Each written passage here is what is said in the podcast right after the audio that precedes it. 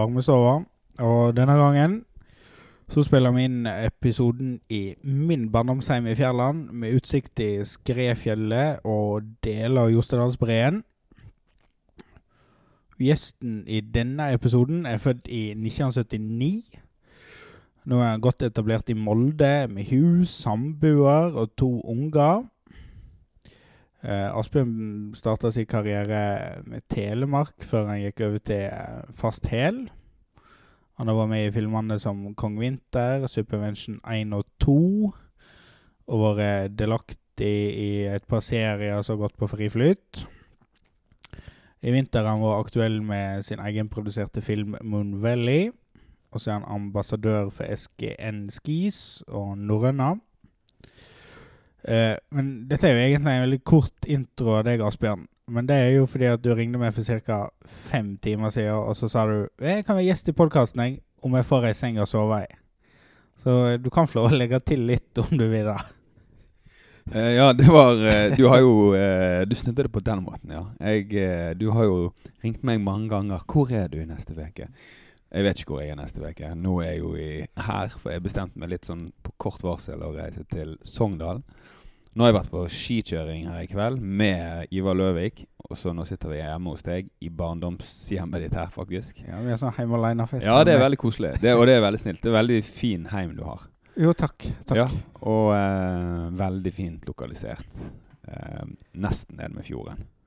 Ja, det er et par steinkast i fjorden. Ja, det er det. Men det er nærme nok. Og ganske nærmt skogen. Veldig nærme. Og veldig nærme fjell bak oss. Ja, der er jeg faktisk vår på skitur på fjellet bak oss. Flere ganger. Er bare én tur. Men da var det første gangen noen gikk den turen på 80 år. Da gikk han. Det er ikke dårlig. Det er sprekt. Det er en av få ting jeg kan skryte av. da. Ja, men det, det, det man kan skryte av, det skal man skryte av. Ja. Men jeg, er det noe du har lyst til å legge til på eh, introen? Er det noe jeg på en måte eh, har glemt som er viktig? Nei, det er helt fint. Jeg syns det var en fin intro. Ja. Men vi kan begynne litt hva, hva tid du begynte de eh, skikarrierene. Nei, jeg vet ikke hva du sier eh, hva man kaller for en skikarriere. Jeg, eh, jeg har bare alltid vært glad i å, å stå på ski. Men eh, jeg har stått Telemark siden jeg var sånn 12-13 år gammel, tenker jeg. Og så begynte jeg på videregående skole i Sauda. Eh, og der sto jeg masse på ski der òg, med mm, klassekamerater. Mest snowboardere, faktisk. Da og Telemark, faktisk. Ja, og alpinister. Og, så det var en sånn bra gjeng. Eh, tror jeg hadde mye å bety. Veldig kul videregående skole i Sauda. Var det egentlig som kom dit som langrennsløper. Endte opp som volleyballspiller og skiløper. Og, eller skikjører, da. Ja, det er jo en vei å gå. Mye bedre vei å gå. Jo, jeg skal ikke nekte på det. Nei, nei, det er bet bedre, syns jeg i hvert fall. Ja, ja Definitivt. Men eh, ja, jeg vet ikke, jeg. Vi har, har egentlig bare alltid stått på ski. Og så eh, har jeg holdt på med det siden jeg Ja, kanskje siden jeg var student her i Sogndal. Da, det er jo nå 20 år siden jeg var student her. Uh, og uh, siden Ja, siden den gang. Så kanskje så har jeg holdt på mer eller mindre heltid. Ja, for vi satt her og snakket litt i stad, og da sa du at du var nummer tre som har faktisk stått ned togga. Og det er jo 20 år siden nå. Ja, nå er det 20 år siden. Så vi, det, det vi blitt fortalt er i forhold til han eh, Tom Dybwad, som var nummer én. For vi leide hos han eh, i sin tid nå i Sogndal, meg og Tor Eggebø, min firmenning. Og eh, han har liksom gravd i arkivet, da. Og så har han kommet frem til at han var først, naturligvis, siden han har grov i arkivet. eh, og er interessert i det. Og så er det Andreas Haslestad som er nummer to. Men han sykler riktignok opp, sies det, fra Sogndalsdalen for å gå på ski. Og så var det meg og Ola Hovnak som for opp på Togga i 2000. Og da skal det liksom etter sigende være eh, vi nummer tre og fire. Så det er litt morsomt å komme tilbake igjen nå i etterkant. Eller i all ettertid og se at en stor parkeringsplass der. Ja, og Ja. mye biler står der der alltid. Ja, Men det er kjempebra. Nå er det jo blitt bare gjort mer tilgjengelig. Jeg, jeg kan jo huske at den vinteren 2000, jeg kjørte opp dit rundt sen- 16. mai-tider og sånt. Da, eh, ja, Grunnen til at jeg var der da, var jo det at uh, vi skulle gjøre en førstenedkjøring fra Togga. da, Den som blir kalt for Oddvar-renna. Eh, og Oddvar han gikk jo på snørra ned hele renna. og derfor blir han hetende Oddvar-renna. Han, eh, Oddvar Njø Johansen, veldig god telemarkskjører. Eh, snørra i toppen og gikk sånn, sånn pingpong, eller sånn Ja, hva man heter det? Sånn her eh, Ja, mellom fjellveggene nedover. Han endte på førstesiden av Berg, Bergens Tidende på 17. mai, faktisk. Eh, I kjølvannet av eh, den fallhistorien der. Fordi at han ble skada? Ja, og fordi at det ble en redningsaksjon i Sogndalsdalen. Ja. Da. Så, eh, og jeg kan huske det året der. Da var det så mye snø at det var ja, sånn to meter brøytekanter oppe i Sogndalsdalen. Og du eh, Ja, på Selseng. Og så var det ingen busker å se. Utenom den gamle skogen, bare. Men oppover der ingen busker. Så har endret seg. Jo, men eh, de òg hadde jo Det har du sagt eh, tidligere at eh, de kunne godt gå på samme toppen flere ganger, men de skulle skli alltid ned en ny plass. Ja, det er riktig. Det har vært et sånt eh, Det er klart ingen eh, regel uten unntak. Men vi, på den tiden var vi mange ganger på Togga og gjorde forskjellige varianter. Så vi har kjørt ned mange rare veier. Og det blir jo gjort ennå. Og det er jo supert. Det er jo kjempeartig at folk går på Togga og går på Omnane. Og ja, det er et uh, fantastisk skifjell. Men, eh, men uh, uh, Kong Vinter det, Kong Vinter 2, var det den du var delaktig i? Eller er det alle du var med i? Var egentlig med i alle. Jeg var veldig mye som, jeg var som skikjører. Det var ikke jeg som startet Kong Vinter. Men eh, det var jo blant, faktisk Cato som gjorde, sammen med Cato Legred. Ja, Cato Legrei. Og, og sammen med et par karer fra Oslo. Så blant annet eh, Peder Midling, veldig god windsurfer. Han lagde den første. Så eh, Og så var det noen karer Hva heter de igjen, da? Men De hadde et sånt eh, firma som het Bang Bang Motion, av alle ting. Og så eh, Ja, men de var nå her i Sogndal og var og filmet. Så det, Kong Vinter 1 ble jo faktisk filmet i Sogndal. Ja, det var det Det- jeg ville fram til. Ja. Litt eh, reklame for Sogn oppi dette. Allerede da.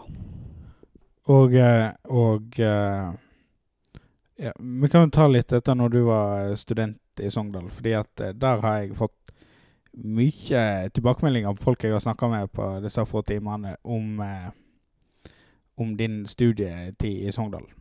Ja, den var artig. Eh, blant annet det som går igjen, er jo selvfølgelig Statoilen og alle pølsene da på kvelden. Ja, det er det, Altså, vi, vi, vi fikk tak i tidenes partykåk, som det ble sagt av Tor. Eh, vi, vi flyttet jo til Sogndal, meg og Tor, min firmenning. Det var mitt eh, Ja, vi, jeg hadde ikke noe sted å bo, det hadde ikke han heller, så vi leide oss en campingvogn. Nei, kjøpte en campingvogn, faktisk. Tok han med bak på bilen og kjørte. Uh, den var elendig forfatning. Uh, men eh, det tok det liksom et par uker før vi fikk tak i et sted å bo. Da var det Statoil-kåken vi fikk tak i. Uh, så vi bodde i forskjellige hager rundt om forskjellige venner i Sogndal med campingvogn før vi fikk tak i den. Og jeg husker jeg fikk tak i den jeg, jeg, jeg, Hæ? Det var litt en uh, tidlig versjon av Magnum Musum, da, med andre ord. Ja, altså vi var uh, rekende fanter, vi. Uh, og jeg var, meg og, jeg var på klatretur. Eh, på, gikk den der Skagestølstraversen. Eh, da Tor ringte og sa det at han hadde fått tak i kåk. da. Meg og en kamerat som heter Hjallis. Vi var på tur, og så fikk vi Ja, Tor ordnet leilighet da, mens jeg var ute og kløv til fjells. Det var bra. Og det som blitt meg fortalt, er jo at eh, du delte rom med Kjetil Isaksen. Eh, fordi at eh, det var rimelig når de var to stykker på ett rom. Ja, Veldig lurt. Det, altså, det var en bra måte å tjene eller spare penger på. da. Eh, til Torgeir Kristian Børve bodde Han hadde eget rom, for han hadde kjærest, som han heter. Og så eh, Tor Eggebø hadde òg et eget rom, og så var det Reidar Steinsland som hadde sitt eget rom. Han hadde òg kjæreste. Tror jeg. Kanskje flere. I hvert fall av og til. Ja, av og til. Men eh, da eh, Kjetil Isaksen sa, da var at de skulle liksom ha et samarbeid med vasking av klær og sånt. Hvordan gikk det? Ja, altså Kjetil hevda jo at uh, når han hadde skitne truser, så kastet han det liksom over til min skittentøy. da, Sånn at jeg vasket de og hang de opp igjen. Så det var hans strategi. Men jeg mener jo at jeg gjorde det samme. Så, eh, så det var, jeg tror vi vasket hverandres undertøy der. Men uh, bodde du der uh, hele, hele studieperioden? Nei, nei, nei, nei det var bare Det var to år vi bodde der. Så vi hadde Men dette var første året med, med mm, tror jeg, på Statoil-suiten. Men vi bodde, jeg bodde eh, ellers i Navseterveggen, da. Så jeg alltid bodde på denne siden, eller på, på an, eh, Hva skal jeg si På eh, Ja. eh, Statoil-siden av elva, kan du si. Ja. Aldri bodd oppe i Olavsted i Åsen eller disse her eh, Ja. Det vil si, vi leide, meg og Tor leide en kåk oppe på Gurvin et år, men vi glemte den der eh, pizzaen i stekeovnen en kveld. Og så gikk brannalarmen klokken tre på natten eller noe sånt fordi at vi sovnet. Og da uh, fikk ikke vi fornyet tillit dagen etterpå fra hybelverten. Så vi Å ja, måtte det var flytte. såpass kjapt. ja, det var kort. Men jeg, jeg har én ting til med Statoil før vi legger den død. Det er Sigurd Felde ringte meg, og så sa han ja, når du skal spille inn med, med Asbjørn, og så du må ta opp dette her med Turboneger-konserten. Både oppladningen før og konserten når Hank eh, von Helvete kom på scenen. Ja, det er riktig. Altså, eh, altså eh, eh, Statoil-tilværelsen var jo en ganske Vi sparte jo penger på alt vi klarte. forhold til å På den tiden var det viktig å stå på skien, stå på eksamen, for, for eksempel. Så det var et mantra, og det var om å gjøre å spare penger til å gjøre mest mulig annet enn å stå på være på skole. Og dermed var det jo det å brygge øl. Så Reidar og Thor eh, og TK de var flinke sånne bryggermestere. Og eh, TK han jobbet i bookingen på, eh, på, eh, på student... Eh, student På meieriet. på meieriet, som det heter. ja. Og han sørget for at når Turboneger kom, så sneik han inn et par sånne her eh, Statoil-ølflasker. Altså det vil si, De var ikke så standsmessige. Det var sånne Pepsi-flasker som var revet av etiketten på. Så satt han disse her ølflaskene inn sammen med de liksom andre tingene som, som Turboneger hadde på raideren. Og så kommer Hank von Helvete på scenen eh, med en sånn Statoil-flaske og styrt, drikker, drikker så mye som han klarer. Og så sier han 'jævla sauekjendere', altså til publikum. Den beste ølen får du på Statoil. Stor jubel blant Statoil-klubben. eller? Det var helt uh, vi, vi sto i barings allerede da. Til og med Simen Berg var barings. Uh, ja, så han var der. Og en legendarisk konsert. Ja, det var veldig det, var, de, det hevdes at Turboneger hadde aldri spilt på en så liten scene før. Så det var intimt. Da kan nok stemme. Det var storhetstiden. Jeg mener, Turboneger er ganske bra nå, da. men eh, det er en helt annen diskusjon og en helt annen Det kan podcast. diskuteres. Men eh, før du eh, Du har jo nå vært, vært på SGN i fem år, kan det stemme? Før da var du på, eh, på eh, K2. Ja, stemmer. Hva tenkte du egentlig når du eh, gikk over fra, fra eh, K2 til SGN, som da var ganske ferskt? SGN var veldig ferskt. Og uh, det må si uh, eh, K2 og den gjengen der uh, var superkule med meg. Og hjalp meg veldig masse. Og eh, det ville jeg aldri vært foruten. Så det var leit for meg å si til K2 at du nå skifter jeg lag, gå til SGN. Og de skjønte jo ikke helt hvorfor jeg gjorde det. Men grunnen til jeg gjorde det, var jo det at jeg syns jo at den skien da heter Togga, var en fryktelig god ski. Eh, og det var egentlig hovedgrunnen til jeg gikk over. Eh, ikke det at K2 lager dårlige ski, for det gjør de ikke. De lager veldig gode ski. Eh, eh, men Togga er en gruelig god ski, og så fikk jeg lov til å påvirke selv. Eh, og eh, med hvordan skiene skulle være. Og det har jeg interesse for. Og så tenker jeg at da kunne jeg være med å påvirke egen sport. Uh, for det at skikjøring og toppturbasert eller turingbasert frikjøring, det er noe som uh, jeg har vært en del av i mange år. Og hvis man kan ha påvirkningsgrad, så kan man ha det et norsk merke i mye større grad enn et amerikansk merke. Og det sier seg selv. Men, men hadde studietiden din i Sogndal noe å bety for Eller hadde det Hadde det noe å si på valget? Eh, nei, altså, jeg, egentlig ikke. Men det er litt sånn. Altså, jeg vil si det at eh, det er jo den her eh, Og jeg tror alle som har studert i Sogndal, det har, har hatt noen ting å bety for dem. De som, ja, fordi at man har gode opplevelser, og det er et kult studiemiljø, det er mange bra folk. Jeg var jo heldig at jeg fikk være med masse bra, flinke fjellfolk samtidig, som gikk, som var, som gikk på studien der samtidig, sånn som Sigurd Felde. Eh, og eh, ja, Stein Falsen Møller, Thomas Hukkelås Riktignok ikke en typ, superfjelltype han, da, men han er dyktig på sånn, lage festival eh, på Svalbard, f.eks. Stein Falsen Møller er jo Tinnoved-leder. En fryktig vel, Han var jo mer klatrer uh, på den tiden, men uh, ja, vi, var vel, vi, var, vi var et stort miljø med mange bra folk. Eh, så jeg husker jo det godt. Eh, SGN kom jo liksom seinere inn enn når vi var studenter. Og jeg tror det er jo Torgeir og Tore som startet det. Eh, eller Toto, som den første skien heter. To, to, ja. Og eh, jeg syns jo den måten Torgeir lager ski på, er utrolig interessant. For han er veldig god på ski, og så er han veldig flink til å shape ski.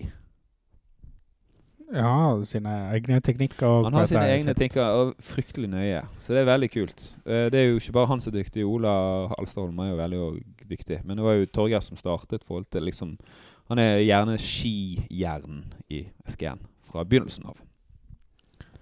Så du er egentlig Ikke egentlig. Du er veldig fornøyd med valget du gjorde for fem Ja, år siden? ja, det er det. Men det er liksom eh, Nå har jeg, jo- jeg har jo et eierskap til merkevaren. Og det er kjekt. Du har eierskap til eh, sport som man har vært del av. Det er vanskelig å ha det på en annen måte.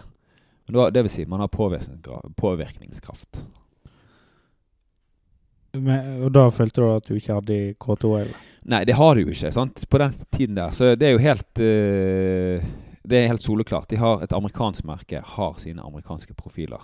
Og ære være de for det. Og Det var jo liksom de største profilene som skihistorien har hatt. Så hvorfor skal de høre på en Laban fra Norge?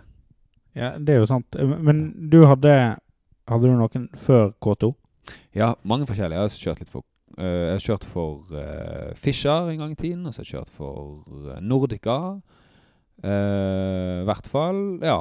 Nordica, Fischer. Atomica har jeg faktisk kjørt på òg. Så kjørt på forskjellige brands. Men eh, jeg fikk en melding av Åsmund Thorsen da. Ja. Jeg skulle spørre om eh, The Truck Feathers. Oi, ja, det stemmer. Det er Det var noe i ski som Endre Hals laga til deg? Ja, det er helt riktig. Ja, det er artig at du snakker om The Truck Feathers. Det er jo eh, Ja, det er jo veldig sånn direkte oversett til eh, Hva skal vi si Truck Feathers. Altså sånn eh, Hva blir det, da? Sånn fj Ja, bladfjører på en lastebil. Kan de sammenlignes med? Ja, og var Åsmund skrev til meg òg. ja, ja, ja, det var et par hornstive ski. Da. På den tiden der så kjørte jeg på Nordica, og Nordica laget en ski som ikke passet meg i det hele tatt. Og jeg prøvde å ha påvirkningskraft inn dit, men det var liksom steile kanter på det. da. Men jeg er også, dette er sånn, hvis du ser på meg, så er jeg ganske lang. Er 1,92 og over 90 kilo tung. Så jeg er egentlig 20 cm for lang og 20 kg for tung til å holde på med frikjøring. Så det er et liksom etterspurt en sånn her, eh, et krav til et mellomeuropeisk brand er vanskelig å få til. Og eh, Så jeg tok faktisk bare et bilde av den skien der på Ispo. Og spurte om det var greit. Og så lagde Altså av grafikken. Og så lagde Endre Hals en ski. I siste liten så tenkte han, når han bygde skien, da Jeg legger inn et par ekstra Et ekstra lag, tror jeg, med glassfiber. Og det gjorde han bare sånn på Han skal ut til Alaska og skal kjøre fort på ski. Og det endte opp med at skien ble hornstiv. 1,96. Det var ikke en kjekk tur til Alaska? Jo, det, det, jeg vil si det. Det var egentlig, egentlig ikke skien det var noe gærent med. For det Endre er gruelig flink til å lage ski. Men de ble eh, hakket for stiv. Og så er det sånn her eh, jeg, jeg tror det som er hemmeligheten med å stå på ski i Alaska, er liksom sånn her eh, Du må bremse når du må, og så må du gi gass når du skal. Og det er fryktelig vanskelig, så du må ha hypermanøvrerlige ski. Så De trenger ikke være så pinnstive, men de må i hvert fall være hypermanøvrerlige. Men den var nok hakket for stiv. Eh, turen til Alaska ble ikke så vellykket, men det var nok kanskje ikke pga. skiene, men det var mer pga. skredsituasjonen. Vi hadde Jeg tror vi var der i fire uker, og vi hadde tre uker sammenhengende snø. Altså i ett strekk. Ja. Men, men eh, grafikken på den skia Stemmer det at det var bare tatt av Mobiltelefon. en Nokia 5510? Nei, det var faktisk en LG-telefon, så det var litt bedre. Det var sikkert 0,1 megapiksler. Ifølge Thorsen så var det veldig pikslete. Ja, veldig pikslete. veldig pikslete. Han heter Radict, den skien der, da. Men det gikk. Den eh, Jeg vet ikke om den fins. Kan hende den fins i Skimuseet til Endre. Ja, da må Endre sende oss bilde av skia. Om Ja, det. Men eh, Endre er fryktelig flink til å lage ski. Så uh, vi hadde nesten et samarbeid eh, på gang uh, for mange år siden, men det ble det, ble det ikke noen ting av. Vi ble rett og slett ikke enige om formalitetene rundt det. Ja, men Jeg skal ikke alltid være enige. Nei, men sånn er det. Jeg tenker det at vi Sånn er det. Men, men du sa da var det én måned i Alaska. Etter sånn som jeg har forstått, så har du egentlig aldri hatt en sånn hel sesong i utlandet og sånt. Eh, jo, det har jeg. 19, ja, det vil si 2007 uh, Det vil si jeg egentlig Ja, jeg har aldri hatt sånn fulle sesonger, men 2007 da flyttet med, flyttet jeg til Innsbruck. Og avsluttet i Alaska. Så hvis ikke det er gyldig for alt Jo, da- ja, ja. Nei, da- men det, da, meg og Nelly vi flyttet ned, samboeren min. Eh, og da hadde vi konstant eh, besøk av gode venner. Da lagde vi jo Kong Vinter nummer fire eller fem. Fem, kanskje. Og da hadde vi jo Espen Kristiansen bodde jo der hele tiden. Kjempetrivelig. Og så var Kjetil på besøk, Kjøttulf i Saksen. Vi hadde Bjørn Thomas Romsø på besøk. Torkel var der. Lars Kleveberg var der, som liksom laget filmene våre. Så han lager jo filmer i Hollywood for tiden. Er du klar over det? Det Altså Lars Kleveberg. Er bra springbrett fra eh, skifilm til eh, Hollywood. Ja, altså jeg tror ikke man skal liksom gi kreden til skifilmindustrien på det der, for han hadde ganske sånn tøffe kår, da. Men han lagde jo en film som het The Wall. Den ble jo faktisk eh, Kom aldri ut på kino pga. Weinstein Company og pga. Eh, metoo-skandalen. Det skjedde samtidig. Det, eh, så det, den, kom, den skulle på kino eh, i USA. Vi reiste jo over på Skulle, hadde, skulle på, liksom, på premierefesten. Men Skulle på ja. rød løper i Hollywood. Nei, det, vi, hadde ikke, vi hadde ikke sluppet inn på det, da, men det var en slags Vi skulle på den der, og det er jo bare et par år siden. Men så eh, The Wall eh, Den eh, Det skjedde ikke. Eh, Nei, så, sorry, ikke The Wall. Polaroid het faktisk filmen. Skrekkfilm. Eh, men så fikk han laget eh, Lars altså fikk laget remaken av Child's Play. Fra, så er det en Hollywood-film. Og den liksom var på topp ti på, liksom på eh, kinotoppen i 2019. Tenk på det. At du har laga film med en Hollywood-regissør. Det er helt rett. Det er Men eh, det er nok mer eh, Lars sin uh, fortjeneste enn uh, min. Vært litt delaktig, da. Vi er, med, vi er veldig gode kompiser. Vi holdt, meg og han holdt veldig godt i lag når det gjaldt det der med å lage film i lag. Så det var artig. Ja, fordi at du har jo eh, Vi må jo snakke om Moon Valley, så du liksom har eh, det nyeste, og det du har laga sjøl. Du Ja, det, er og Nikol, det er Nicolas som har laget filmen.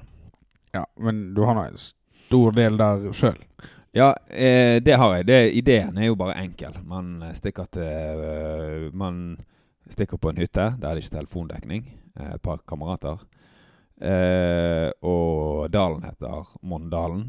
Og så lager vi en engelsk tittel, altså Moon Valley.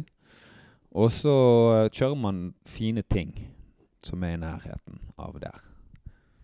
Jeg har jo sett den. Jeg syns det er kjempefint å se på. Det er, det- det, er, det, er, det er kanskje en mer sånn koselig film eh, og fin film eh, enn en sånn her eh, bøllete Big Mountain-film. Men Det er Men- jo ikke Supervention. Altså Nei, det, nei men, det, men det, det er veldig vanskelig å Jeg vil si det at sånn Supervention 2 ble jo så bra som det ble pga. det at alle som jobbet med det, de ga 195 nesten til enhver tid. Og uh, uten det så hadde den Hvis folk hadde liksom gitt 2% mindre gass, så hadde filmen blitt 20% dårligere, tror jeg. Jeg syns det er fantastiske filmer, begge to. Ja, ja. ja men uh, ja. Og jeg ser at eh, det er vanskelig å sammenligne Moon Valley og Supervention 1 ja, og 2. må, ja, det må ikke du gjøre. Nei, jeg kan få prøve å sette deg litt ut her, da. Nei, men det, det, det, det er helt vidt forskjellige ting. Men eh, jeg kan si det at når vi gjorde Supervention-filmene, så var vi jo kikket på ting i Mondalen.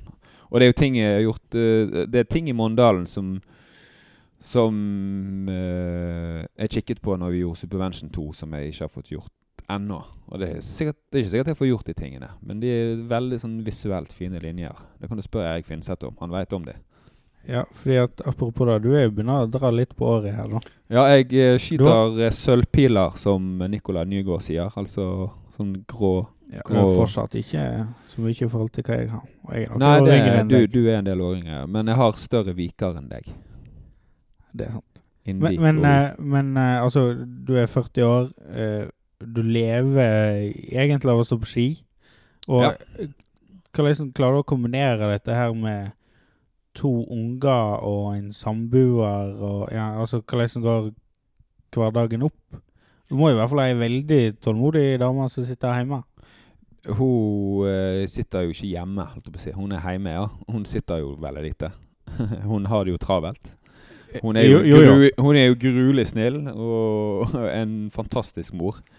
Eh, men det er bare egentlig slik det er litt hos oss, da. At mm, Nelly er faktisk ganske mye ute og reiser. Eh, jeg er mer ute og reiser. Eh, vi har familie rundt oss som òg trør til.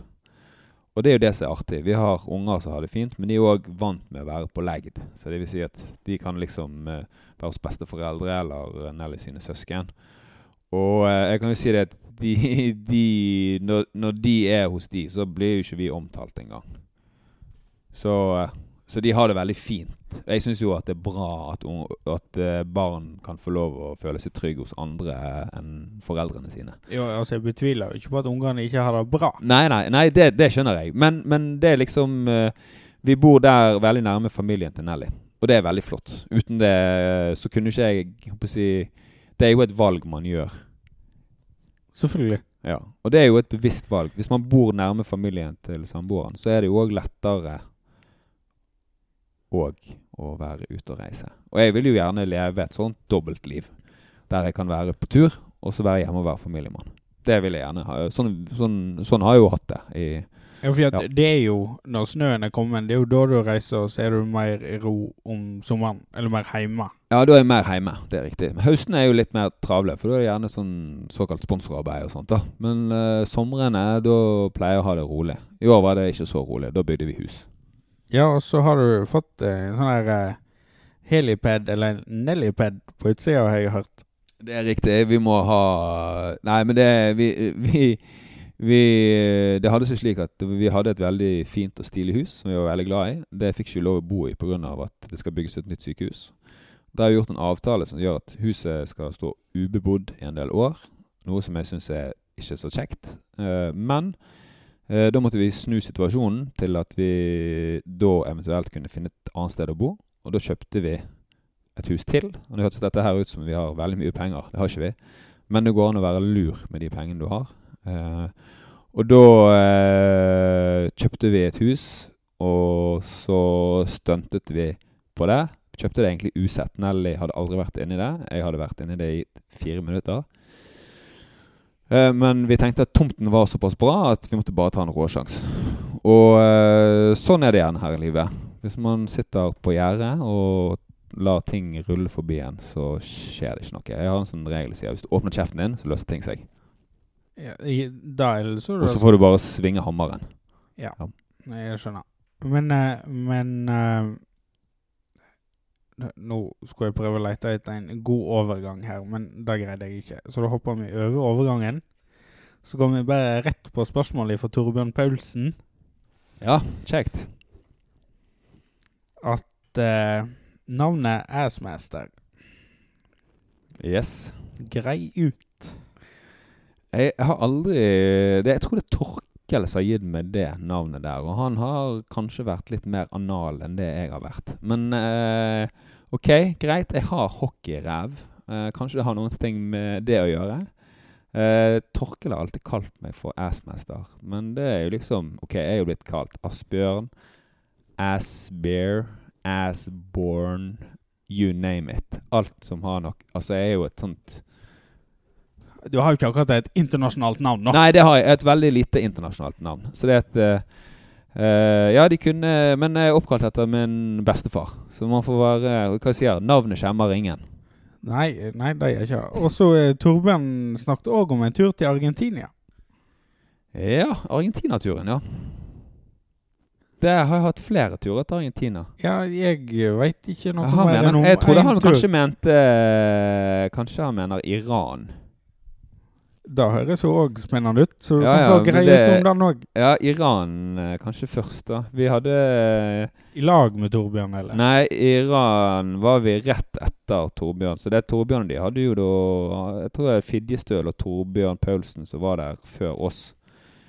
Eh, jeg skal ikke gå inn på alle de detaljene hva de gjorde der. Eh, Nei, jeg skal ha en egen podkast med Torbjørn. så- Det kan du ha. men Det kan han sikkert fortelle om selv. Men jeg tror kanskje de var der før. Eh, og uh, fanken uh, Prøv å tenke Men var han samtidig Austra Argentina Nei, med meg? jeg, jeg aner ikke. Jeg har ikke Nei, fått noe mer enn uh, en SMS fra Torbjørn. Men, men vi hadde i hvert fall Vi hadde flere år der vi Det føles i hvert fall sånn nå, da. Der vi kjørte full vinter i Alpene og Sogndal samtidig, eller noe sånt. Og så reiste vi til rett Stryn og var på ski der. Og så direkte til Argentina i en måned. Til Mendoza. Vin og biff. Og så var vi i Las Lenas. Der òg var det jo fest og skiturer. Jeg husker ene året. Det er kanskje det første året. Da reiste med Da reiste jeg ikke med Torbjørn, men jeg reiste med Jarl Eirik Lilleheil, eller Hjallis, som han heter. Og så med cowboyen, eller Ronny, som han heter. Han murer fra Oslo. Og så med Karsten Gefle. Og Joakim Tangseth. Så leide vi oss en kåk eh, der i, eh, i Las Lenas. Og så eh, Jeg husker ikke, jeg, altså, men eh, når vi skulle gjøre opp status på å liksom, gå med tomflasken og sånt, så var det mye. For dette var sånn at hvis du betalte med Mastercard på, på restauranten der vi spiste lunsj og sånt, da fikk du en flaske med rødvin. Det var liksom sånn her Ja, greit, du betaler med Mastercard. Rødvin. En flaske med deg i hånden når du går hjem. Så det var mye flasker hjemme. altså. Ja, det var det. Vi bodde der jo i tre uker i samme kåk. Ja. Så vi, det er liksom eh, eh, Det er ikke til å stikke under en stol. Vi har vært masse på fest. I Argentina, det var vi òg i Sogndal. Jo, altså, det er jo det som er At du har vært på fest, det skjønner jeg jo, men når vi hører Turboneger-historien eh, i stad, blant annet. Men, men sånn som når du har vært ute og reist, hva er Alpene og sånne ting Afterski, har du vært delaktig der, eller har du liksom bare hatt ski i fokus? Vi har som regel vært på sånn skikkelig fest eh, rundt nyttår. For jeg syns jo det der juletur og nyttårstur til Alpene er jo helt magisk. For da slipper du unna alt det her eh, styret på hjemmebane. Altså, jeg sier ikke det nå da, i forhold til familie og barn og sånt, for det julen er jo artig i forhold til det. Men uh, det vil si, det hadde ikke vært meg imot om vi hadde reist uh, Alpene med jul og nyttår med familien nå. Det hadde jo vært kjempeartig. Men vi hadde jo f.eks. en utrolig artig sånn her fest i ja, julefest da, i Åbergurgel. Da var det mm, Torkel og Ola Hovnak, meg og så en som heter Bjørn, som reiste ned til Alpene, endte i Åbergurgel. Vi eh, hogga ned tre oppi bakken.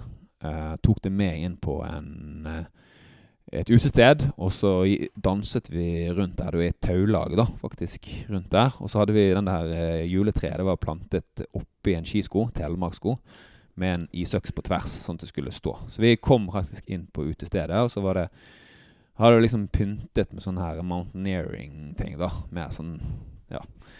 Kjempeartig. Fikk eh, Vi trodde vi fikk drikken gratis, men det gjorde ikke vi. Fordi at vi lagde liksom show og sånt, da.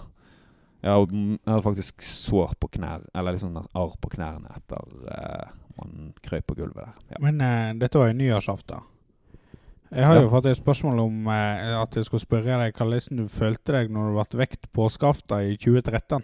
Mm. Snakker vi om Alaska, da? Jeg har ikke fått noe plass.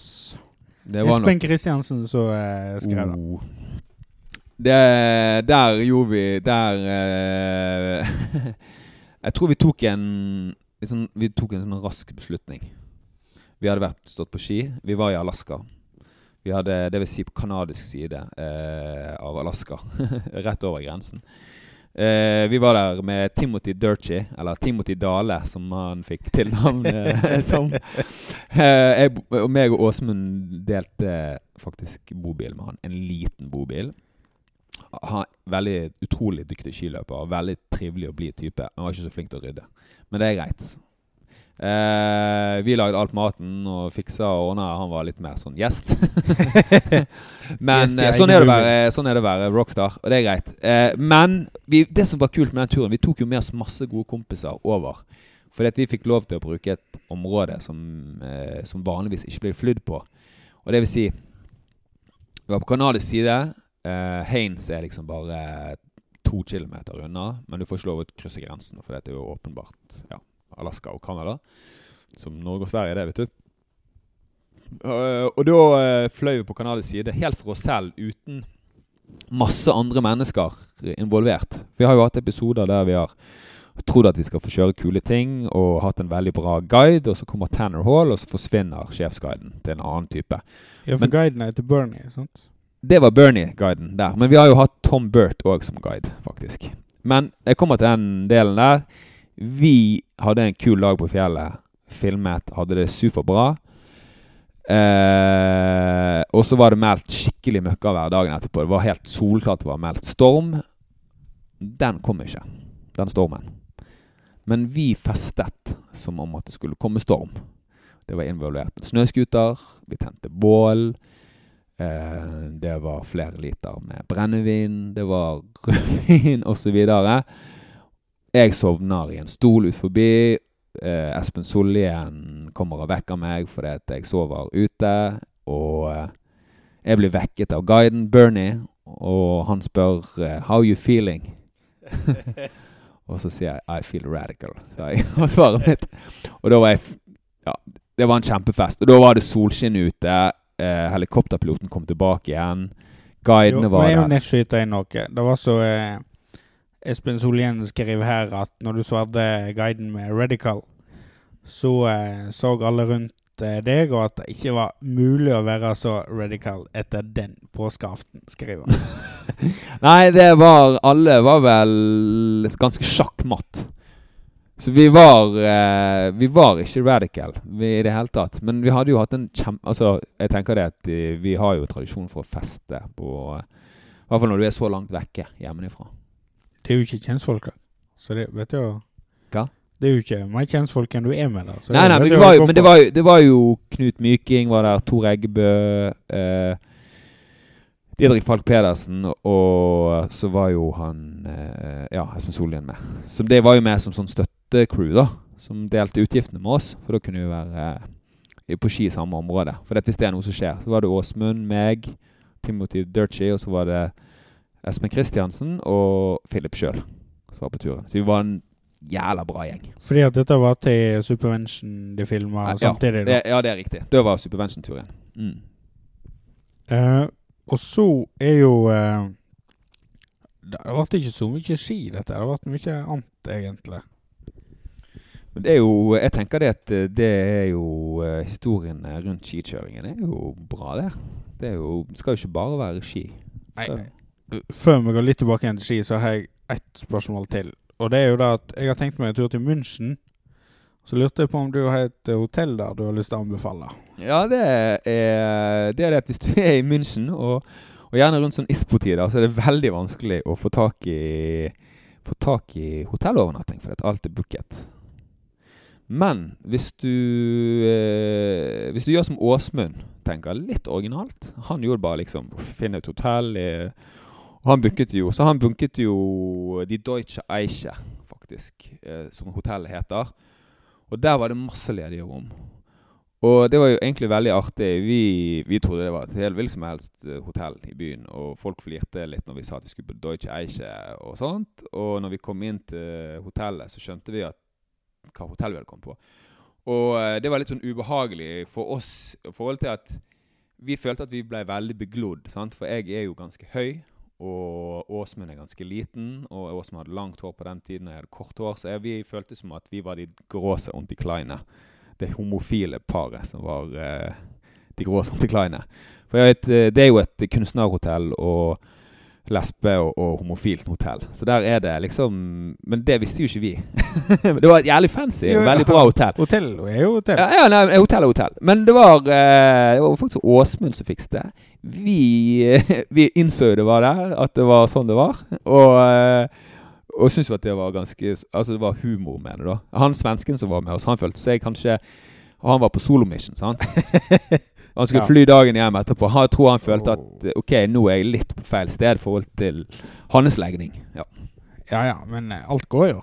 Ah, ah, ja, alt går. Det, vi var det gråsonte kleine. Men eh, vi dreier litt inn på ski her nå. Og det er første minnet ditt av ski. Eller brett, står det her. Men jeg uh, har aldri hørt at du har prøvd snowboard. Nei, jeg Sånn over lengre tid. Nei, jeg har aldri vært noen sånn eh, snowboard-type. Det har jeg ikke. Men jeg kan huske at jeg var på ski som, som, en, som liten. På, jeg er oppvokst på Nattlandsfjellet i Bergen. Eh, så jeg, eh, ifølge min mor så var jeg på Ulriken og sto på ski i den der krokketrekkerbakken når jeg var seks år. Så det er jo ganske tidlig. Ja, det er tidlig. Og det er en sånn, eh, så da kjørte jeg ned den sjøl på langrennsski. da. Så jeg kan huske det i oppveksten at eh, man ja, var på ski i Bergensfjellene. Da var det jo snø i Bergensfjellene òg. Ja, det er ikke nå. Men, men, men det var jo alltid snø når vi var mindre, da. Ja, vi husker jo bare de snørike dagene. Og så var sol om sommeren. Det var ikke regn eller noe slag da. Vel, jeg kan huske somrene på 90-tallet. Da På den tiden vokste jo breene. De var sure og kalde. Uh, og jeg uh, drev med jordbruksarbeid. For Jeg husker bare at jeg er oppvokst med Breen. ja, du er det. Ja. Ja, Så du vet at det var dårlig vær på 90-tallet? Kan Ja. du huske da godt vær på 90-tallet? Men jeg vil jo bare huske de dagene. Ja, jeg, jeg husker jeg, mm, Vi måtte gjøre mye sånn utarbeid. Plukke tistler og Ja, men det er greit. Men, men uh, vi har jo egentlig ikke vært inne på så mye av det du har gjort på ski.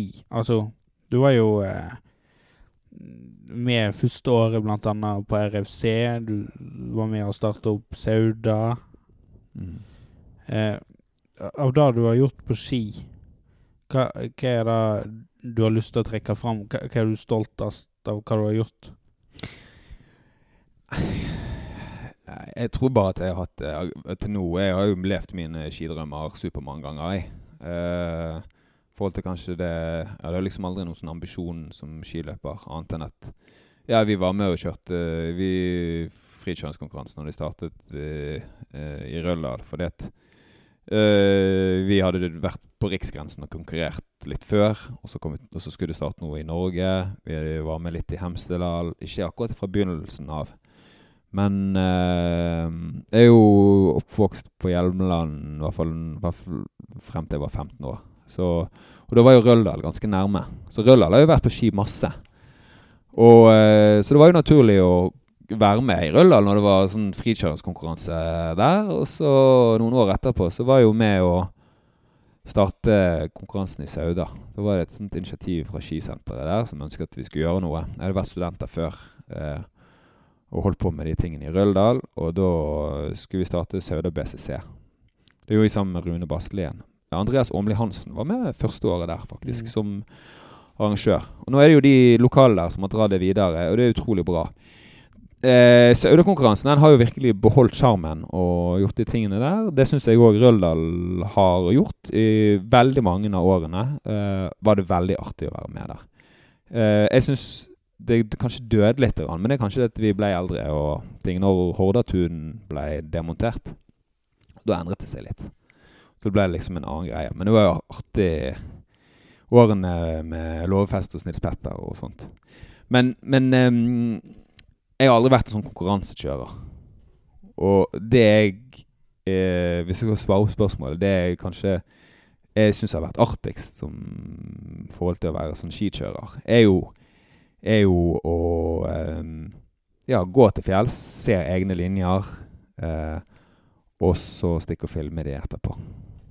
Ja, for, ja, da er vi litt inne på det som vi snakket om i begynnelsen, når du bodde i Sogndal annet. At de, Ja.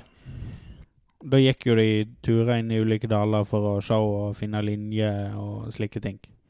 Ja, og det, det, eh, det har jeg prøvd å holde ved. Det, eh, jeg syns det er mye kulere å gjøre nye ting hele tiden, istedenfor at man kopierer de samme linjene og filmer de flere ganger, sånn som det gjerne gjøres i filmindustrien. Da. Men det at de har gjerne et sånt annet helikopterbudsjett som vi aldri har hatt. Ja, vi har brukt masse helikopter eh, når vi har gjort ting før.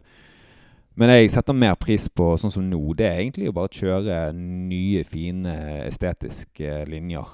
Eh, og ja, og, og prøve, rett holde på med det. Så det syns jeg eh, det er kanskje min forse. Det er veldig mange som er mye bedre enn meg på ski. Mange som hopper høyere klipper i konkurranser, og sikkert slår meg i konkurranser. Men jeg, eh, det som er min greie, er å være på rett sted til rett tid, overtre grensen og få dokumentert det.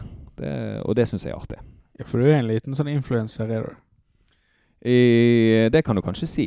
Er det kanskje det man jeg, Men jeg vil kanskje si at det er først og fremst skikjører. Og så er det slik at vi blir Hæ? Deretter influenser.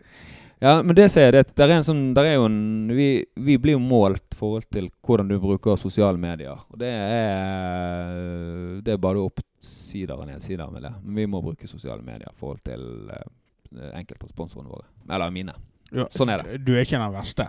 Langt derifra. Jeg tror det er, noen som er verre, er er enn meg, men uh, ja Jeg skulle gjerne vært uten sosiale medier, jeg. Men uh, jeg ser at det er viktig og det er bra, og så syns jeg det er kult at man får respons, og folk spør en om ting. da. Så, jo, både ja. og, og du, du, formidler jo skiglede, som er viktig for uh, de som har lyst å begynne å stå på ski, eller uh, lurer på om de skal ta steget lenger. Det er mange som spør om utstyr og utstyrsvalg og forskjellige ting, og det syns jeg er artig. Det er liksom før var det jo, var det jo slik at uh, Det kan jeg huske. Jeg fikk jo betalt ut ifra sponsorer ut ifra hvor mye bilder jeg hadde på trykk i blader og sånt. Og da måtte jeg liksom finne ut hvilken Ok, greit, jeg har bilde på trykk i Powder Magazine eller Friflyt eller Åker skidor eller uh, skisession fra Frankrike eller uh, hva som helst. Og så fikk vi fikk rett betalt ut ifra det. Så det har endret seg. Litt enklere å holde eh, kontroll på nå? Ja, det er kanskje det. Og så tror jeg at det òg forhold til de som er samarbeidspartnere eller sponsorer, de er mye lettere å holde kontroll på deg. De vet mer. Ja. Eh, og så, eh, når vi snakker litt om dette her, så er det den råeste opplevelsen du har hatt på ski? Altså den opplevelsen du gjerne kommer til å sitte på gamleheimen og fortelle at eh, Veit ikke hva jeg gjorde i min ungdom? Eller den du drar fram på fest? Jeg tenker det er artig. Jeg pleier kanskje å liksom uh, dra frem som en sånn skistore på fest. Vi snakker om, det blir mer sånn turene vi snakker om, forhold til historier rundt det. Jo, jo, men altså totalopplevelsen ja, ja, rundt uh, det å stå på ski, da. Altså en tur som uh, var rå, da. Jeg syns eh, personlig å gjøre sånn som når vi gjorde Fløtatin i Supervention 2, var veldig artig. jeg hadde en veldig kul tur på Store Vengetind som i sammen med Hans Christian Folde, som jobber i SG1, og Rasmus Bjerkan, som var med og filmet. Så kjørte vi Nordryggen på Vengetind. Eh, den ble i den filmen som 'Perks' med Nicolai Schirmer. Det syns jeg var en veldig kul ting å gjøre. Uh, turene til Alaska, eksempel. Fantastisk. Bra lag med de vi har vært der. Alle turene der har vært utrolig artige. Kanskje de første turene var litt sånn spesielle. Uh, jeg har aldri syntes at skikjøringen for min egen del har vært veldig bra i Alaska, men det er fordi at man er pisseredd. Og så er det det der at man Uh, man eh, står og ser på en linje, og så flyr du over, og så lander du på toppen. Så går det litt for fort inn i hodet for at du klarer å snu deg om. da. Så jeg tror jeg er mer egnet på sånn Altså av persepsjonsårsaker. At jeg er mer egnet til å gå og se på ting en god stund. og Se et bilde og la liksom ligge i arkivet inni hodet, og så kjøre det det er en bedre ting for meg. Liksom la ligge der Ja, det er det. For jeg klarer ikke Sånn som Finseth, han er jo helt rå på å stunte linjer. Han ser en linje, og så husker han det. Åsmund òg. De klarer liksom De klarer å gjøre sånne ting eh, som er helt ubegripelige, spør du meg, da. I forhold til på onsighting, så det heter klatrespråket. Mye bedre enn meg på det. Men eh, vi kan gå i motsatt ende av skalaen, da. Det dummeste eller flaueste du har gjort på ski, da? Nei, det er sånn uh, det var jo veldig artig når vi når, Det er sikkert et veldig pinlig øyeblikk, både spesielt for meg selv. Jeg klarte å lure meg sjøl og Aksel Lund Svindal ut på isen i eh, Når vi gjorde 'Being There', eller 'Side by Side', husker ikke, i Lofoten. Og så gikk jeg gjennom isen. Lå der som en sel. Og han sto bare og så på? Nei, han òg var ute på isen, men han kom seg i land før jeg gikk gjennom. Så det noe, betyr kanskje at jeg er tyngre enn Aksel på den tiden. Jeg vet ikke, jeg. men jeg tror det var veldig Han fikk uh, våte sko, det fikk jeg òg. Jeg måtte bytte klær, og det var jævlig mye styr. Det var veldig flaut, husker jeg. Og Tor Olav var jo der som sikkerhetsansvarlig. Han bare Hva i helvete er det du Og det var mitt påfunn, da. Så det var veldig sånn pinlig. Ja, ja. Så det, sånn er det. Men, eh, men eh, beste skianlegg, da? Jeg vet jo at Tusten ligger jo ganske nær hjertet ditt, da. Ja, det, det, er jo det. Det, det er lokalanlegget. Og jeg tenker det at det er helt altså, jeg tenkte å like de lokale skianleggene og være der. Tusten er supervisuelt. Jeg vil si kanskje det er det mest visuelle skisenteret vi har i Norge. i forhold til Ja, du ser inn i de såkalte 222 fjellene. 222 mulighetene du har fra, i Molde-panorama. Veldig fine. Ja, for det er jo en serie du har hatt på friflyt. Ja. Eller den ligger på friflyt? Den ligger på friflyt, ja. Så uh, Molde er jo kjempestilig. Uh, og så er jo uh, Men av de norske skianleggene er jo, er jo svak for Sogndalsanleggene. Det er jeg. I forhold til at det er litt Altså Hodlekve er superbra, men litt sånn ineffektivt. Du skal kjøre skogen. men jeg håper det aldri blir en heis der, for da blir du ødelagt. fordi at da blir det liksom for mye trafikk. Eh, så det er bra. Og så er jo Heggmyren er jo fantastisk. Altså De fikk eh, bygget heis opp på Mådåberget i prinsipp. da. Ja, og der eh, ja. veit jeg at både du og Finnsetten og var noen annen, de var jo faktisk med og hadde opp polsteringer på den heisen dagen før åpning. Det lønner seg å gjøre dugnadsarbeid i forhold til å sette de første linjene. Altså, den dagen.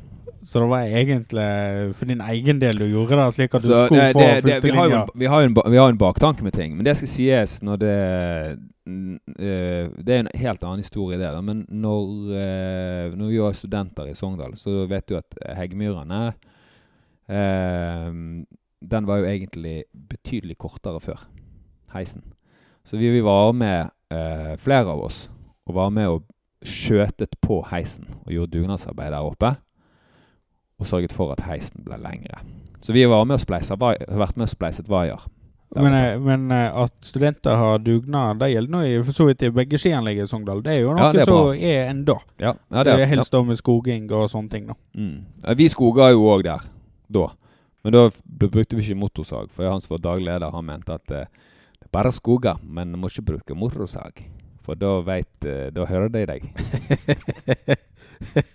Ja, uh, så, så, det er egentlig de du har lyst til å trekke fram blant mange, sikkert, det er Tusten og uh, Heggmyran og Hodlekve, da. Ja, jeg, jeg, jeg, men jeg er veldig svak for de der norske vestlandsskianleggene. Jeg digger Strandafjellet. Jeg liker uh, Stordal i sin tid. Eller liksom å få være der.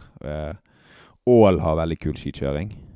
Hemsedal har jo veldig kul skikjøring. Hvis Reidarskaret er åpent så liksom du kommer deg dit på, på enkelt vis.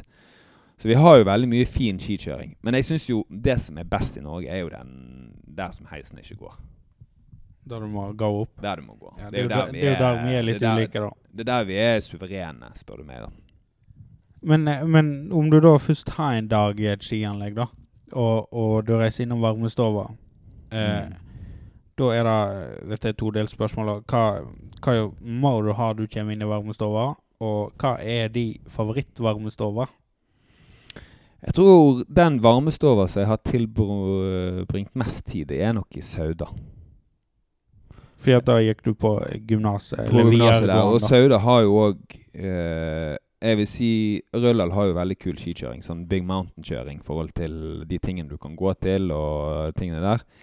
Men Sauda har jo òg enormt kul skikjøring. Og så har de òg skog på styggværsdagene. Så eh, men den, det er nok den varmestova jeg har vært mest i eh, i Norge. Den i Sauda? Den i Sauda, ja. Så den syns jeg eh, eh, Ja, så det er kanskje den jeg har sterk, sterkest forhold til. Mest tid. Men eh, hva du må ha du innom varmestova, da? Jeg har aldri hatt en sånn veldig sånn eh, Liksom etter et eller annet. Men det er liksom Får du vafler, så er jeg veldig glad. Varme vafler. Jeg syns jo varmestover bør ha litt annen mat enn det de har. Jeg synes Det irriterer meg oftere over varmestover i forhold til hva de serverer. Jeg syns jo eksempel Ok, er du i Alpene og får varm mat eh, så synes, som er liksom spagetti bolognese eller en god dessert, eller noe sånt, så bruker jeg mer penger og mer tid. Så jeg vil heller ha mer kvalitet enn pris. Mm, sånn slapp pølser, liksom. Det syns jeg er nydelig. Litt mer ordentlig mat i varme ja? Jeg, jeg syns det er det. Da, jeg, jeg, ville sett heller uh, mer av det. Men jeg skjønner det at uh, Jeg har forstått det i forhold til at det folk vil ha, det er pølser i brød og helt Det er, det er egentlig dessverre det folk vil ha. Ja, det er det. Så uh, Men det er jo mulig å snu trenden. Ja, men det er jo opp til de som driver skisenteret å gjøre, tenker jeg. Eller de som driver varmestovene. Absolutt, så det, det, er en utfordring til varmestovene. Lag og uh, lag bacalao, liksom. Jeg kjøper, jeg bruker 50 spenn mer hvis dere hadde laget god mat istedenfor. Altså, Strandafjellet har faktisk ganske god pizza nede på den der, eh, så den det vil jeg slå et slag for. Skisenteret der. I Stranda, ja. ja Stranda. Det er vel en type pizza de har i Stranda? Uh, nei, der har de ikke bare Grandiosa. De lager uh, ekte ganske god pizza der. Så den uh, Du har faktisk uh, spandert pizza på meg der, du. Nei, jeg skylder deg 12,50 i forhold til at du kjøpte de der Grandiosaene vi spiste nå. ja, men da er vi gått i null, Aspen. Ja, vi, er gått i null. så har vi sånn dilemmaspalter, da. Én ja. sesong. Bare topptur eller bare skianlegg? Det er veldig enkelt. Det tror jeg For meg er det i hvert fall veldig enkelt. Jeg vil bare gå ja, på tur. For meg òg er det veldig enkelt. Det ja, ja, ja, det, nei, men, ja det, det, forstår jeg. Men for meg er det Da har jeg heller gått på tur enn kjørt heis. Men det er fordi at eh, jeg vil gjerne være på nye plasser, bare. Istedenfor å banke de samme Ja, Du kan jo velge fritt av anlegg, da. Da må ikke være ett anlegg. Uh, ja, men allikevel, jeg bor i Norge, da. Så tenker jeg det, hvis det skal være real, altså sånn realitetsorientert, da, så, er det, så vil jeg gått tur. Men det er klart, hvis jeg hadde fått Det gjelder et skianlegg, f.eks. helikopterbasert i Canada, f.eks. Ja, nå er du litt ute i gråsonen her. Ja, det er sikkert på alle måter, men OK. Ja. Uh, men nett, vi må netta denne samferdselsspalta til Sverre. Ja. Og det er jo uh, uh, Nå har du en BMW. Det har jeg. Eh, hvor mange biler har du hatt oppe i karrieren din? Hvor mange biler jeg har hatt, det, det, har, det har ikke telt. Men jeg har ikke hatt sånn gruelig mange. Men eh, jeg har men, hatt jeg, jeg har hørt rykter om en heies og en sofa og, ja. og, og noe med autobanen og full stopp. Du, det stemmer. Det var eh, på vei hjem ifra Det var for øvrig ikke min bil, men det var Tor sin bil, og vi kjørte Vi hadde vært i Alpene. Eh, Serchevalier var vi veldig mange år, Sør-Frankrike. Og så ble det liksom veldig varmt. Vi skippet eh, skilivet kjørte bilen på tvers av hele um, Frankrike. Endte opp i Biarritz og Hossegård på, mm, liksom mot eh, vestkysten. Og så eh, kjørte vi oss lenger og lenger sør over, og endte til slutt i Spania, San Sebastian. Og så kom vi på shit, vi må jo hjem. og da liksom Den klassiske. Kjørt, ja, det der. Vi må jo hjem. Tor måtte i en begravelse, og vi måtte hjem. På autobahn så uh, eh, røyk dynamoen på den samme turen. Så røyk en gang dynamoen, og få tak i en dynamo til en eh, eh, eh japansk bil Tyskland. Er det lett? Nei. Så vi endte opp med å kjøpe bat altså, nytt batteri i forhold til å ha nok strøm. Så vi er òg tom for drivstoff på veien. Tor glemte å fylle Benz. Så vi Jeg hadde blitt spysyk og lå bak i kabinen på bilen, i sofaen sofaen som faktisk eh, ble kasta ut fra andre etasje på Statoil-stasjonen. Eh, fordi at den var så dårlig. Den passet fint i bilen, da. Den eh, tidligere eieren av Toyotaen og den sofaen eh, Han så jo at vi kastet ut den sofaen og bare putta den inn i bilen sin, for han brukte sånn PG-bil. Sånn paragliderbil. Og så når, vi, når Tor kjøpte bilen, så åpnet han opp bakluken, og da fant han igjen sofaen som han hadde kastet ut. så den fulgte etter oss, da, men den, har jo vært, den ble jo en sånn globetrotter-sofa. Ja. Men det var ikke da jeg hørte med denne historien at det var en annen grunn til at det var full stopp. De ble litt dårlige begge to. Eller jeg ble Jo. feilinformert her Nei, altså jeg hadde fått spysyke, så, så jeg lå bare bak i kabinen når Tore gikk tom for drivstoff. Jeg husker ikke om kanskje Kjetil òg ble dårlig. Jeg husker ikke jeg. Men uansett, Tor gikk tom for drivstoff, og han måtte jo Han fikk jo Han bare tok med seg en toliters kanne eh, fra bilen. Sånn spylervæske. Og så bare sa 'tom for bens', og så forlot han bilen, og så gikk han. Det var jo midt på autobahn i Tyskland. Det er jo ikke bra. Nei, det er ikke bra. Så vi ble dyttet av veien. Av en sånn bil med sånn stor pute foran. Så bare dyttet han oss av veien. Sa her kan dere ikke ja. Tre, Fire timer seinere så kom Tor tilbake. Å, den er lei. Den er Men, lei. men eh, har du hatt noen sånne gode skiopplevelser der du har brukt eh, tog, eh, båt eller bil? Altså er, er det en skiopplevelse der du har lyst til å trekke fram, der, der du har liksom brukt et litt ja, Om vi tar vekk bil, da. Et eh, framkomstmiddel som ikke er så tradisjonelt, da. Har du, eh, er det noe du tenker på? Nei, nå jeg tenker Er ikke på noe som helst. Ikke baktanker? Nei, faktisk ikke. Nei. Eh, nei, Altså Det er jo en del som har hatt noen turer med, med båt, som var gode opplevelser med. Marit Rolfsjord snakket om at hun hadde tatt tog en del og sånt. Ja, ja, det er sant. Det er sikkert sant. Nei, men eh, Vært på sånn båttur i Lofoten, da. Det syns jeg er fint. Eivind Drivflot sin eh, gamle sjørøversjark Ja. her oppe. Fin å hente blåskjell ifra, men du må ut i en liten dinghy, f.eks. Men utover det, jeg, jeg tror kanskje det er sånn tradisjonell der at man flyr til et eller annet sted, eller kjører til et eller annet sted. Og, ja, før eide vi jo ikke flyskam, så vi fløy jo, eller uh, overalt. Det gjorde vi i mange år. Ja, Nå bruker du bil, da. Det gjør jeg. Man må nesten komme seg fra A til B.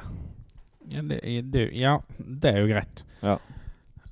Men jeg tror faktisk vi er kommet til veis Nei, det er ikke vi. Jeg har hatt eh, to spørsmål eh, som, eh, som jeg har valgt ut fra Instagram. Ja. Det er en kar som lurer på eh, Anders Bjørkhaug, som lurer på når han får se deg på Telemarkgata. Du eh, Det er veldig mange som spør om det, og det er jeg veldig glad for. Og eh, det kommer et comeback. I nær framtid, eller i Gi det, er, det, må, det må ikke bli så lenge til. Det, jeg tenkte på det her om dagen. Åh, det hadde vært deilig å kjøre Telemark igjen. Og ja, Da venter vi i spenning. Vi får følge med på Instagram. da. Ja, kanskje jeg kan uh, slippe en sånn Telemark-influenser-edit, var det det du mente? Ja, det var det jeg mente. uh, og så eh, Dette er et litt langt spørsmål, men- vi kan ta det kort, da. Eh, Favoritttopp å stå på ski ned på Østlandet, Vestlandet og Nord-Norge? Tenker Øst-Europa, Vestlandet og Nord-Norge. Ja, det er langt. Vi, vi kan jo ta eh, Eh, da jeg vi, vi, vi kan ta regioner der, da. Altså ja, ja, men det, jeg kunne godt tenkt meg å være på Gaustatoppen og vært på ski. Aldri vært. Så det ser jo ganske kult ut. Ja, da. på gode dager eh, så kunne jeg veldig godt tenkt meg å vært der. For det ser veldig flott ut. Det er oppriktig. Så det er liksom kanskje den på Øst, Østlandet, da. Østlandet. Ja. Og så Eh, Vestlandet, da. Vestlandet Det må nesten være et sted som ikke har vært. Er, hva er den her heter? Den der? Det er en sånn sinnssyk topp her oppe i Fjærland. Det er mange sinnssyke topper her. Jeg har, men eh, hva si Det er masse sånne drømmelinjer rundt om. Det er en fin linje Ah, store troller, kanskje. Den kunne godt, veldig godt tenkt meg å, å ha gjort en gang i tiden, på gode, men på gode forhold. For det er jo, den eh, er 1900 meter, nesten kystfjell. Sunndalsfjellet. Det er høyt. Og Eh, så Norge. avslutter vi i Nord-Norge, nå.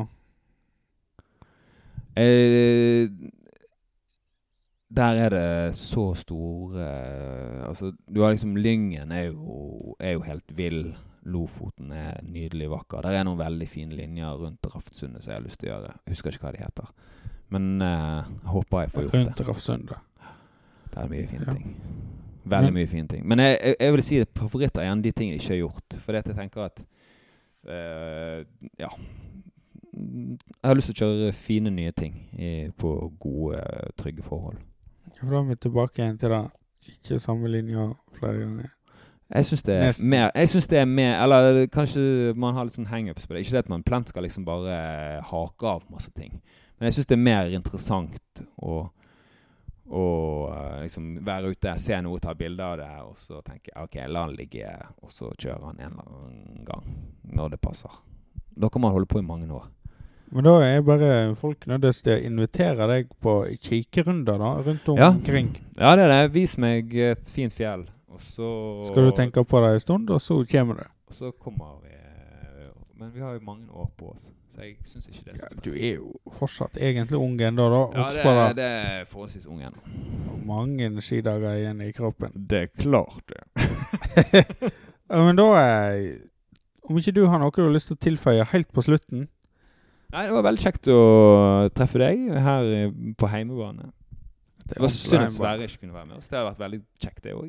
Han har dessverre ikke tid nå. Det er noen er- fotballkamper han driver og kommenterer, vet du, som er litt viktigere enn Det er oss. klart det. Det er klart det. Det er vanskelig å holde kontakt med gamle venner når man har så mange unge venninner. Oi, og med det så avslutter vi. Takk for i dag.